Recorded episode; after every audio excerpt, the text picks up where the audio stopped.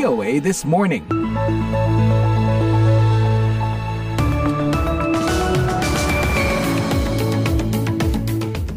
Hai, selamat pagi. Kembali bersama saya Sharon Sumolang di VOA This Morning, live dari Studio 17 VOA di Washington DC. Hari ini saya ditemani produser Bani Rahayu dan teknisi Daryl Smith. Gimana nih yang ikutan war tiket konser Coldplay Music of the Spheres World Tour 15 November nanti di Jakarta? Di media sosial saya lihat rame banget teman-teman saya ngetes hoki mereka buat dapetin tiket Coldplay.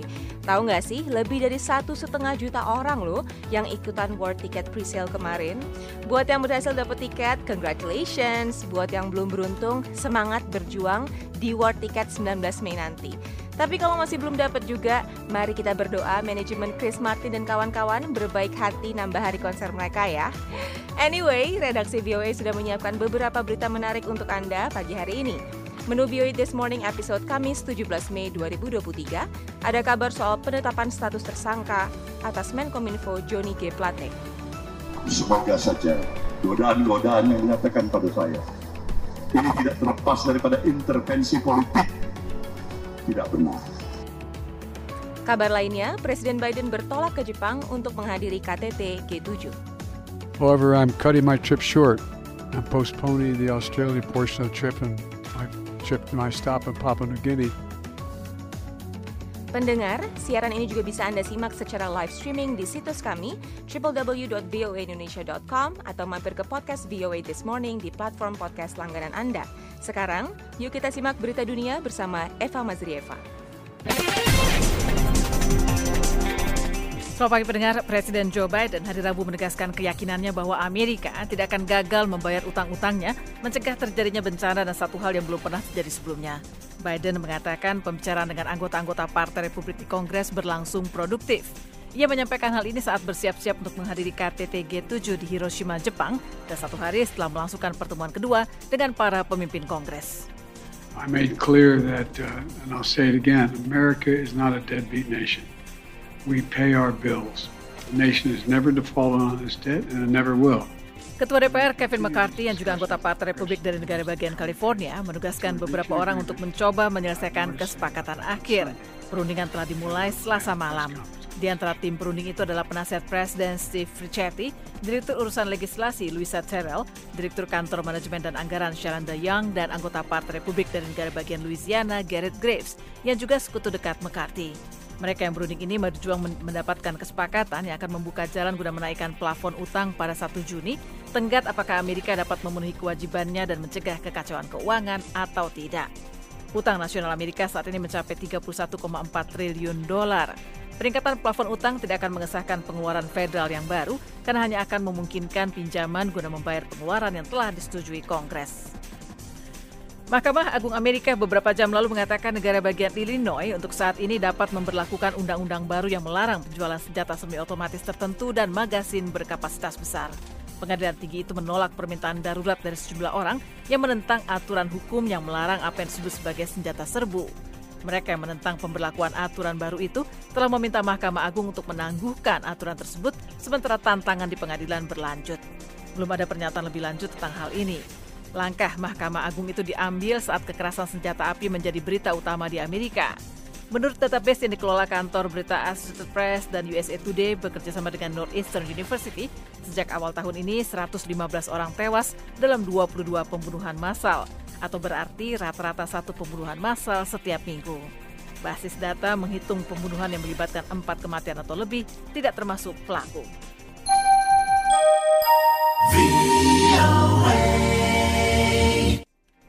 Sekjen PBB Antonio Guterres hari Rabu mengatakan Rusia setuju untuk memperpanjang perjanjian yang memungkinkan Ukraina mengirim biji-bijian melalui Laut Hitam ke bagian dunia lain yang berjuang mengatasi kelaparan. We have some positive and significant developments. The confirmation by the Russian Federation to continue its participation. Ada perkembangan yang positif dan signifikan, ujar Guterres. Kami baru mendapat konfirmasi dari Rusia untuk melanjutkan keikutsertaannya dalam inisiatif Laut Hitam selama 60 hari lagi. Ini merupakan kabar baik bagi dunia tambahnya. Turki dan Amerika pada musim panas lalu memediasi terobosan kesepakatan itu dengan pihak-pihak yang bertikai. Upaya ini menghasilkan kesepakatan terpisah untuk memfasilitasi pengiriman bahan pangan dan pupuk Rusia yang menurut Moskow belum diterapkan. Rusia telah menetapkan tenggat waktu hingga hari Kamis ini untuk menyelesaikan kekhawatiran yang muncul atau mengancam akan mengundurkan diri. Juru bicara Kementerian Luar Negeri Rusia, Maria Zakharova, mengkonfirmasi tercapainya kesepakatan itu. Мы подтверждаем объявление президентом Memperluas Black Grain Initiative merupakan kemenangan bagi negara-negara di Afrika, Timur Tengah, dan sebagian Asia yang mengandalkan gandum, jelai, minyak sayur, dan produk makanan terjangkau lainnya yang berasal dari Ukraina, terutama karena kekeringan yang telah memakan korban. Taliban Afghanistan hari Rabu mengkonfirmasi bahwa mereka telah menunjuk Abdul Kabir sebagai penjabat Perdana Menteri untuk mengatur urusan sehari-hari. Keputusan ini diambil karena Muhammad Hassan Akun yang menjadi Perdana Menteri saat ini berada dalam kondisi yang tidak sehat dan membutuhkan waktu untuk memulihkan diri. Abdul Kabir yang kini mengepalai kabinet Taliban yang semuanya laki-laki bersama sejumlah anggota senior pemerintah garis keras Afghanistan berada dalam daftar orang-orang yang dikenai sanksi oleh PBB karena terkait terorisme. Sebelumnya ia menjabat sebagai wakil Perdana Menteri untuk urusan politik. Juru bicara Taliban Zabihullah Mujahid mengumumkan pergantian pemimpin itu lewat Twitter. Ia mengatakan akun yang berusia 78 tahun telah berada di kota Kandahar selama beberapa waktu untuk beristirahat dan akan segera kembali ke Kabul untuk menjalankan tugas-tugasnya.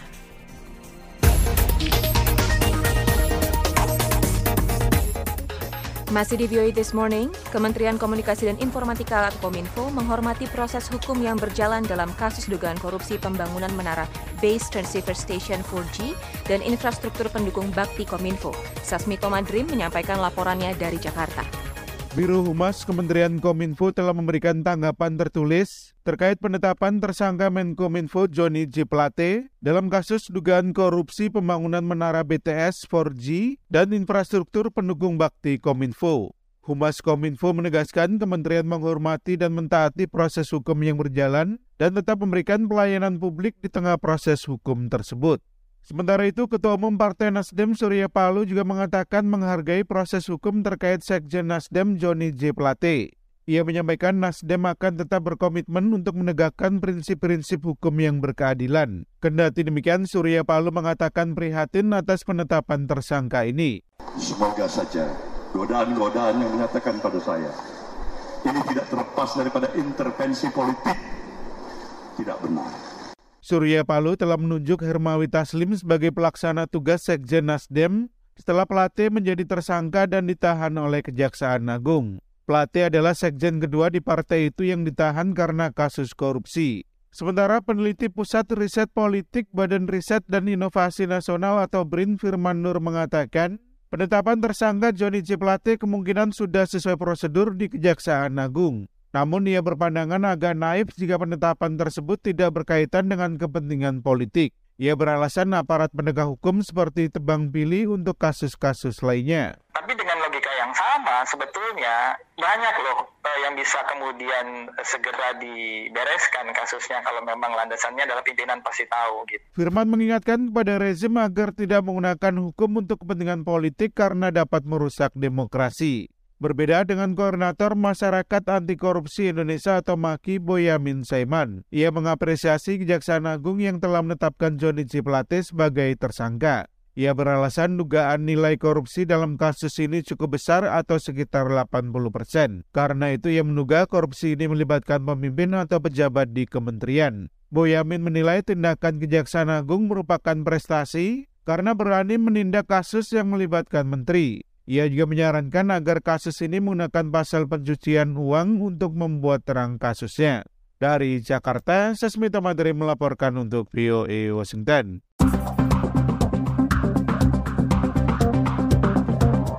Jumlah pelajar intoleran aktif di sekolah tingkat menengah, menengah atas atau SMA dan sederajat di lima kota Indonesia meningkat. Bahkan, lebih dari 56 persen setuju atas penerapan syariat Islam. Fatia Wardah melaporkan.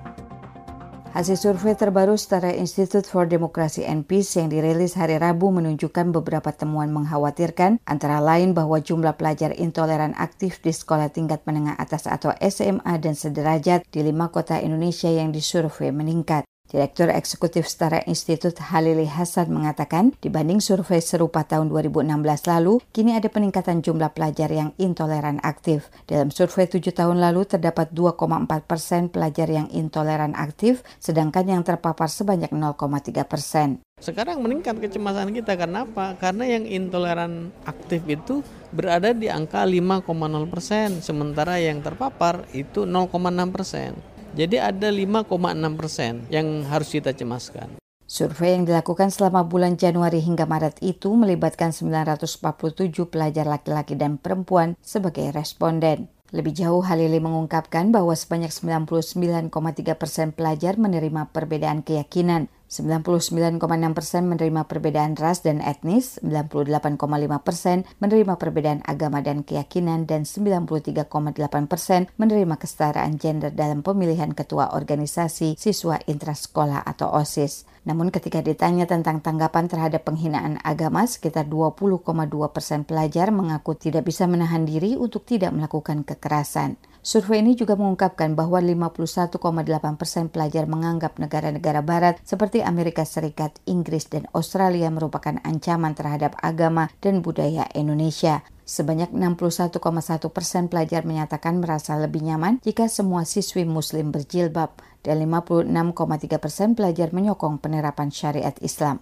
Temuan mengejutkan lain adalah 83,3 persen menilai Pancasila bukan ideologi negara yang bersifat permanen dan dapat diganti. Sekitar 33 persen pelajar setuju untuk membela agama termasuk harus mati dalam membela agama. Menurut Halili ada lima faktor yang secara akumulatif mempengaruhi tingkat toleransi pelajar di Indonesia, yakni pengaruh orang tua, guru agama, teman bergaul, organisasi ekstrakurikuler yang diikuti, dan literatur keagamaan. Pemerhati persoalan anak yang juga mantan Komisioner Komisi Perlindungan Anak Indonesia Retno Listiarti mengatakan akar persoalan dari anti keberagaman di sekolah-sekolah adalah pembelajaran dalam kelas yang tidak terbuka terhadap pergulatan pendapat dan perbedaan para siswa dan guru itu kadang terjebak pada intoleransi pasif. Jadi mereka selalu mengatakan menerima perbedaan beda warna kulit, beda suku, gak apa-apa. Tapi begitu berbicara beda agama itu udah lain. Kementerian Pendidikan Kebudayaan, Riset dan Teknologi belum bisa bersedia menanggapi hasil riset yang dikeluarkan setara institut tersebut. Dari Jakarta, Fatia Wardah melaporkan untuk VOA Washington.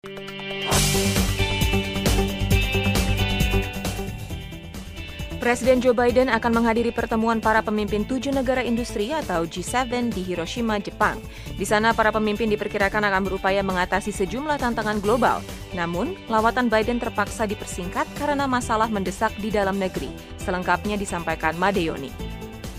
Presiden Amerika Joe Biden Rabu berangkat ke Jepang untuk menghadiri KTT G7 di Hiroshima, tetapi ia membatalkan lawatannya ke Papua Nugini dan Australia minggu depan. Biden akan melanjutkan pembicaraan pelabuhan utang dengan para pemimpin Kongres yang direncanakan pada hari Selasa mendatang di Gedung Putih. Pemerintahannya hendak memastikan bahwa Kongres mengambil tindakan pada batas waktu 1 Juni untuk mencegah Amerika gagal membayar utang-utangnya. I'm confident we're going to continue to make progress uh, toward avoiding default. And fulfilling America's responsibility as a leader on the world stage. However, I'm cutting my trip short. I'm postponing the Australia portion of the trip and my Saya yakin kita akan terus membuat kemajuan untuk menghindari gagal bayar dan memenuhi tanggung jawab Amerika sebagai pemimpin di panggung dunia. Namun, saya mempersingkat perjalanan saya. Saya menunda bagian perjalanan ke Australia dan persinggahan di Papua New Guinea untuk kembali melakukan perundingan akhir dengan para pemimpin Kongres. Dan saya berbicara hari ini dengan Perdana Menteri Albanese dari Australia dan beberapa waktu yang lalu, serta memberitahu mengenai apa yang sedang terjadi.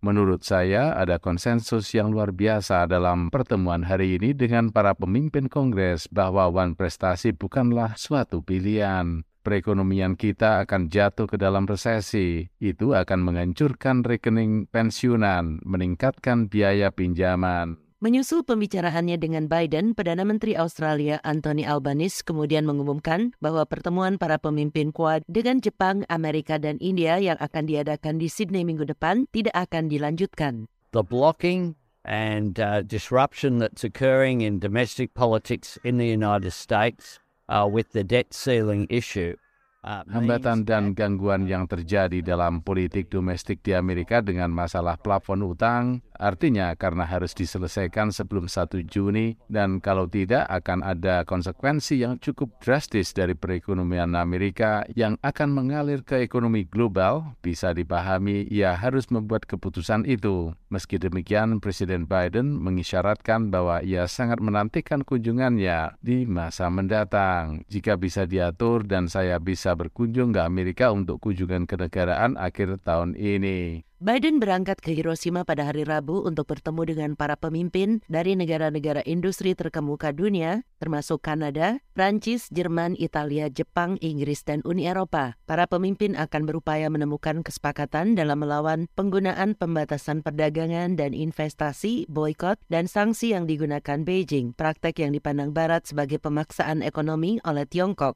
Mereka akan melakukannya melalui kontrol ekspor dan pembatasan investasi dari negara mereka sendiri ke Tiongkok sambil berusaha memperlambat kemajuan teknologi dan mengurangi dominasi rantai pasokan global Tiongkok. Madioni dan Karina Amkas, VOA.